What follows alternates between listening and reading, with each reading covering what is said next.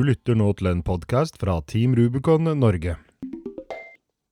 Da har jeg med meg på andre enden av tråden, så har jeg med meg Jorunn på telefon. Og Jorunn, eh, hva kan du fortelle litt eh, kort om deg selv? Ja, jeg er en godt voksen dame som har eh, jobbet som sykepleier i mange år, og, og drevet med litt forskjellig. Jobbet forskjellige steder rundt omkring. Du har jobbet som, som, sykepleier, skjønner jeg. Og hva gjorde du når du jobbet som sykepleier? Da spesialiserte jeg meg som operasjonssykepleier. Så det er hovedyrket mitt. Så det har gjort at jeg har jobbet rundt på operasjonsavdeling forskjellige steder i Norge, f.eks. Og så vet jeg at du har tjenestegjort med Forsvaret i utenlandstjeneste. I hvilke områder har du vært med Forsvaret? Der var jeg først i Libanon med Forsvaret, en kontingent. Og så har jeg vært tre kontingenter i Bosnia. Hvilke stillinger hadde du da når du var ute med Forsvaret?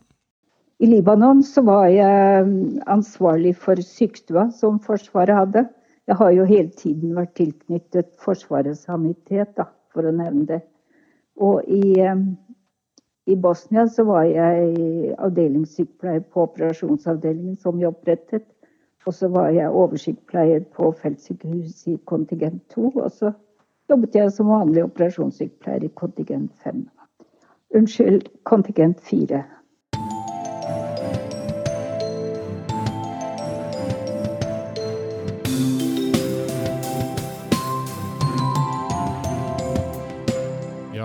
Kontingent 4 i Bosnia, det var jo i 1995.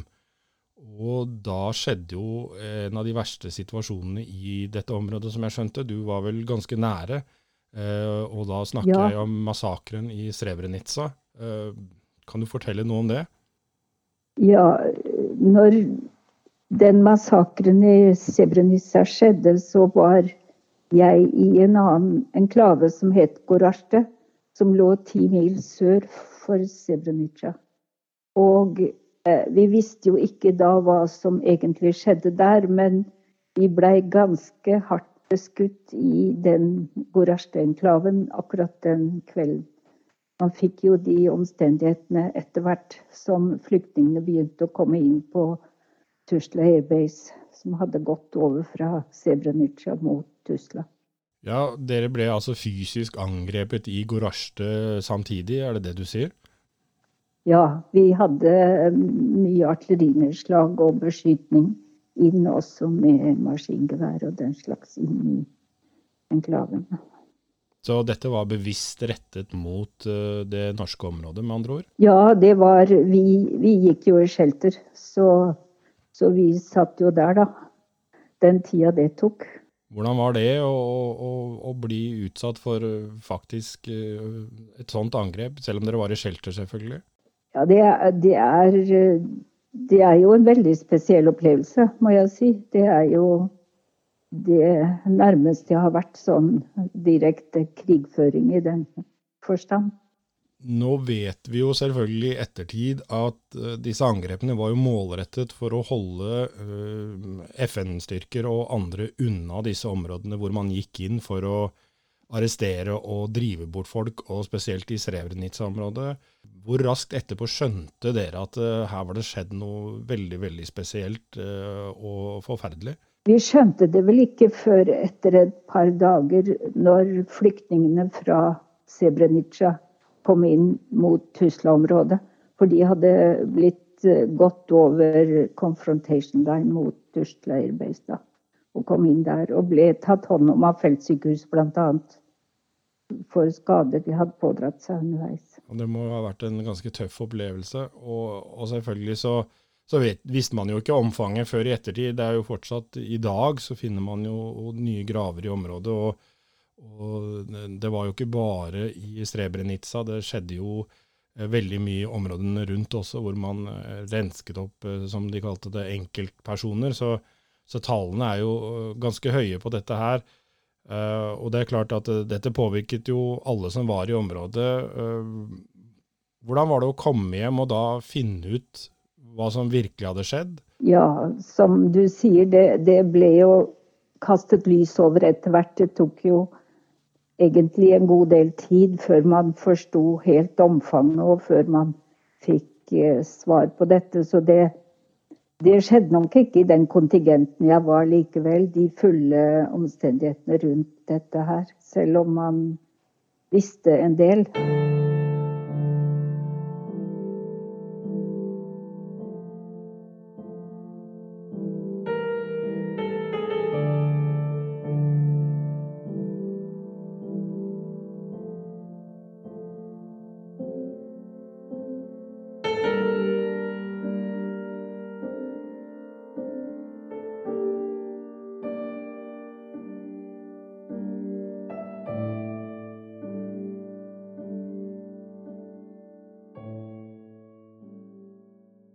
Du har jo ikke bare tjenestegjort utenlands eh, med Forsvaret. Eh, jeg vet jo at du har vært en eh, tur i Eller ikke bare én tur, men to ganger i hvert fall, i Sierra Leone. Kan du ikke fortelle oss litt om det? Jo, jeg var først i Sierra Leone i 2001 for Røde Kors. Og var supervisor på en operasjonsavdeling som var nylig oppretta, som lå nær confrontation line der også, da, for det var fortsatt borgerkrig i 2001. Og så var jeg nede i 2013 for et undervisningsoppdrag for en organisasjon som heter Kapakera. Og dette er jo frivillig arbeid. Ja, og du drar en, enda en gang inn i et konfliktområde, så det er, eh, det er eh, tøffe tak da du ender opp i. Ja, men det er samtidig så treffer du så fantastiske mennesker. Så det er jo det som er veldig givende. At du kan hjelpe folk som har, så, ned, har så, få ressurser da, og har så lite helsehjelp rundt omkring i det landet. Så er du jo frivillig i Team Rubicon Norge. Eh, hvordan ble du involvert i Team Rubicon Norge? Det oppdaget jeg først på Facebook og syntes det hørtes veldig spennende ut, så jeg meldte meg som frivillig der i 2017.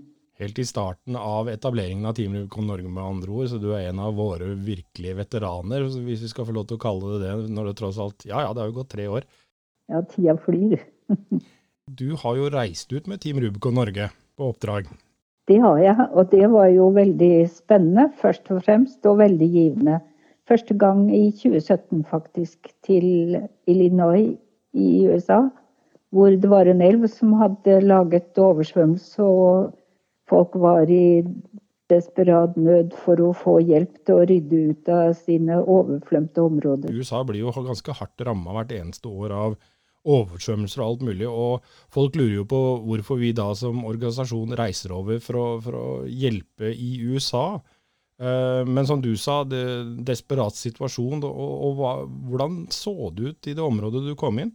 Det, det, så eh, Vi var jo litt sent inne da i, i den Operasjon Fox J, som det het. Og, og, det så jo ikke så ille ut, men husa var jo sterkt gjennomvåte i kjellere. Alle kjellere hadde vært oversvømmet. så og så er jo folk fattige i USA. Få har husforsikring. Så, så, de har jo ingen, ikke noe eget støtteapparat for å hjelpe seg gjennom sånne situasjoner. Dessuten så er det mennesker som selv ikke er i stand til å rydde ut og rive ned. Og få ryddet ut ødelagt isolasjon og vegger og den slags. Så, så det, det, var det vi gjorde. Vi gjorde muckout, som de kaller det.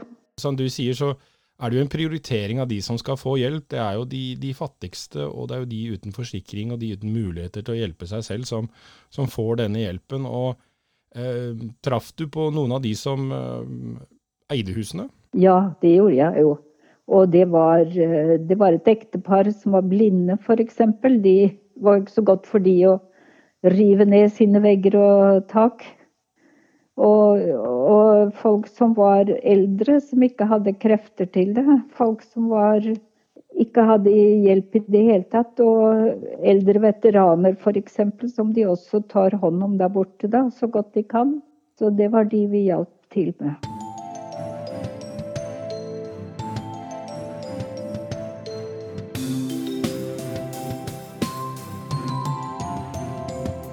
Når man er ute og reiser med Forsvaret, så, så, er det jo ikke alltid man kommer i så veldig nær kontakt med, med de man hjelper. Altså man utfører vaktoppdrag og gjør sånne ting. Og, men eh, saniteten vår og, og sykepleiere, og, og, selvfølgelig i Team Rubicon, så blir man jo veldig intim med de man hjelper. Man står jo ofte og jobber, jobber sammen i. Eh, hvordan er den opplevelsen, å, å være så tett på de som, som kanskje har mista alt? Det er jo veldig givende i seg sjøl, fordi at folk er jo så uendelig takknemlige for å få den hjelpen de får.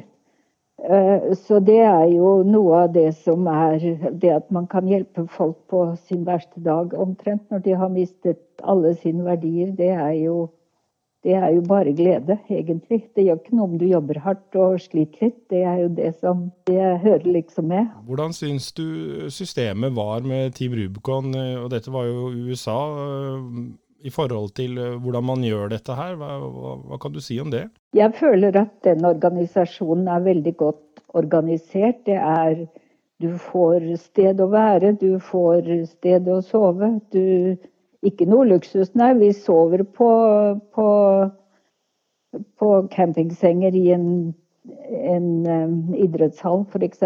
Så det er men, men, alt er lagt opp. De har en FOB hvor alt blir organisert fra. De, de har oppdrag til deg hver dag, og det er veldig godt organisert. Samtidig som du treffer fantastiske mennesker som, som ønsker deg velkommen inn. Det høres jo veldig bra ut. og For de som ikke vet hva en FOB er, da, så er det en Forward Operation Base. og, og Det er jo ofte der man sover. Jeg har hørt rykter om at det er litt snorking. Kan du bekrefte det? Ja, nå har ikke jeg vært så plaga av det, da. Kanskje jeg snorker litt sjøl òg, så det, det, går nok bra. ja, men det er bra. Det er ikke eneste gangen du har eh, tatt eh, turen over en eller annen dam med Team Rubicon, vet jeg? Nei, jeg var, sto på standby en periode for for orkanen Harvey, men det ble ikke noe av. Og så jeg, var jeg så heldig og fikk være med i 2019 til Bahamas etter ødeleggelsen av orkanen Dorian. Bahamas er jo regna for å være paradis på jord av mange, og, et fantastisk turist, turiststed med asurblå hav og fargerike bygg og, og, sånne ting. Hvordan var det å, komme til Bahamas? Hva så du der? Det, det, du beskrev først nå, det så jeg jo. For det var jo på, på den største øya hvor vi landet. Men når vi kom til Abacal, den øya vi skulle være på, så så du ødeleggelsene. Så ut som det hadde blitt fullstendig rasert mange steder. 90% av bebyggelsen var ødelagt eller skadet, og det var eh, forferdelig egentlig å se hvor store krefter som hadde vært i sving for å ødelegge dette samfunnet.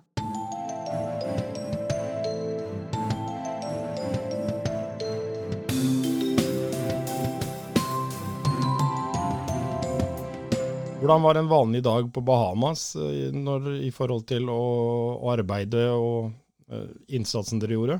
Da var en dag at vi spiste tidlig og sto opp ved sekstiden og dro ut på oppdrag ved åttetiden.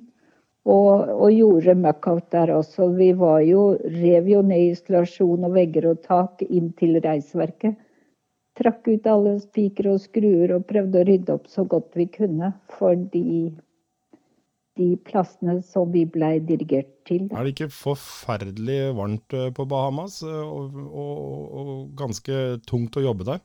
Nå var vi der i november, så, så det var jo 25-30 grader. Eller vel 30, så det var ikke så galt det, syns jeg. Egentlig så personlig så er jeg ikke så veldig plaga av den varmen. Du sier dere drar ut og jobber klokka åtte. Hvor lenge varer arbeidsdagen? Den varer så vi er tilbake ved fire-fem-tiden. Helst ved fem-tiden, tror jeg. Da, så det er en full dag. Så da, da blir det bare å få av seg sporene etter dagens arbeid. Ta en dusj. Kald en sådan. Mange ganger. og så og så spise og slappe av og legge seg til å sove når klokka er ni. Klokka ni har blitt tidlig dag, da, med andre ord.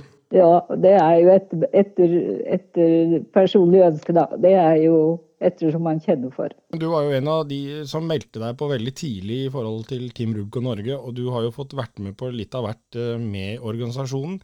Eh, hvordan opplever du Team Rubicon eh, som en organisasjon, og, og selvfølgelig som, som, veteran? Altså, føler du at du blir tatt godt vare på? Ja, absolutt. Det føler jeg. For organisasjonen er godt gjennomorganisert. De, de, har en høy grad av intern utdanning.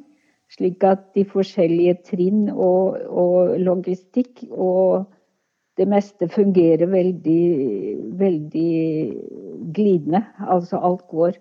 Og så treffer du hyggelige mennesker fra forskjellige steder, fra forskjellige land f.eks. For de var fra Canada også, i, på Bahamas, og det var amerikanere da. Så det var og man oppretter vennskap faktisk, selv om man er der bare i en par ukers tid, så blir det vennskap som man beholder videre. Du har jo opplevd å være sammen med de fleste av disse nasjonene, regner jeg med. Og, og føler du at organisasjonen er likt organisert overalt? Altså, kjenner du deg igjen når du jobber med folk fra Canada eller fra USA eller fra Norge? Ja, det gjør jeg, syns jeg. Jeg syns man har de samme eh, grunnleggende verdier. Man har de samme retningslinjene som den grunnkurset og det gir deg når du gjennomgår det.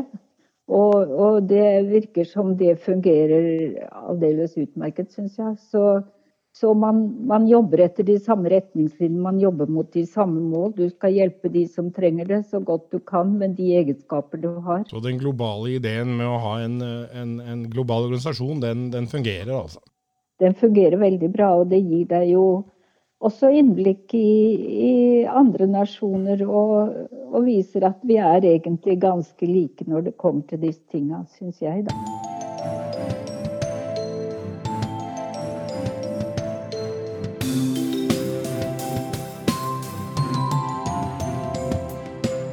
Jorunn, du har jo vært med siden 2017, og du har jo vært på et par oppdrag med, med Team Rubicon Norge. og Hva sitter du igjen med som sånn helhetsinntrykk? Hva, hva, har gjort mest inntrykk på deg når du har vært i organisasjonen og, og vært ute? Det som gjør sterkest inntrykk, syns jeg, det er jo folks takknemlighet over at de får hjelp fra noen som, som kommer der og ikke skal liksom ha noen ting tilbake.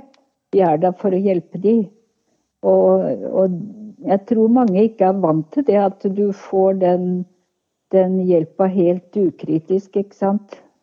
Så, så, det gir jo det sterkeste inntrykket, takknemligheten du opplever.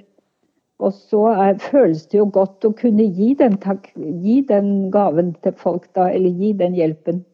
At, eh, at du ser at det hjelper. Team Rubicon er jo en veteranbasert organisasjon. I Norge så er vi jo eh, ca. 70% veteraner og 30% såkalte kickass sivile. Er du enig i det at veteraner er spesielt godt egnet til å utføre sånt arbeid eh, og katastrofebistand som vi driver med? Ja, det syns jeg. For veteraner som har vært i utenlandstjeneste, de er vant til til å snu seg på femøren, for å si det sånn. Det kan oppstå situasjoner så, om må ta, ta de, de um, avgjørelser man må ta i en uforutsigbar uh, setting, da. Så, så det og, og, selve Team Rubicon er jo på en måte organisert uh, på et vis som en militær organisasjon, selv om den ikke er det. Så, så, det fungerer jo veldig bra, da. Veteraner vi har jo en tendens til å bli kanskje litt sånn grønne i tankegangen. Selv om ingen står og skriker ordre og hyler, og, så tar man jo det beste man har fra Forsvaret. Men føler du at eh, sivile, for vi har jo tross alt 30% av de, blir eh, like godt tatt imot og, og klarer å innfinne seg med, med, dette systemet som tross alt er litt eh, grønt, ikke bare i kantene? Ja, jeg har iallfall ikke opplevd at de, de, som har vært med, ikke har kunnet innfinne seg hvordan det organiseres. Og man har jo øh, veldig øh, sympati for individuell øh, kompetanse. Så, så det Nei, jeg syns det fungerer bra. De, de, jeg kan ikke merke noe forskjell egentlig på gamle veteraner, for å kalle det det. Militærveteraner og kickass. Team Rubicon gjør jo ikke bare internasjonale oppdrag, man uh, forsøker jo også å gjøre en del ting som kommer lokalsamfunnet til gode. og i fjor så hadde vi en vellykka kampanje som var hashtag fem for hvalen, for å uh, rydde opp uh, marin forsøpling. Du har jo også vært med på noe oppdrag her hjemme? Ja, det har jeg vært på et par surveysoppdrag. Jeg var på et som var faktisk midt i Oslo. Og så var jeg med på Fem for hvalen og plukket plukket søppel på en strandlinje her lokalt da, i, i, området der jeg bor. Så, så, det Og det er jo også veldig bra at man gir vårt eget område og nærområde eh, hjelp. For det er mange, mange oppgaver der som, som man kan gjøre en av de viktigste tingene for eh, en organisasjon innenfor Team Rubicon-systemet er jo at man skal være en faktor også i eget land. Så, så, på sikt så skal jo selvfølgelig Team Rubicon Norge være mm, en bidragsyter dersom det skulle skje ting i Norge også.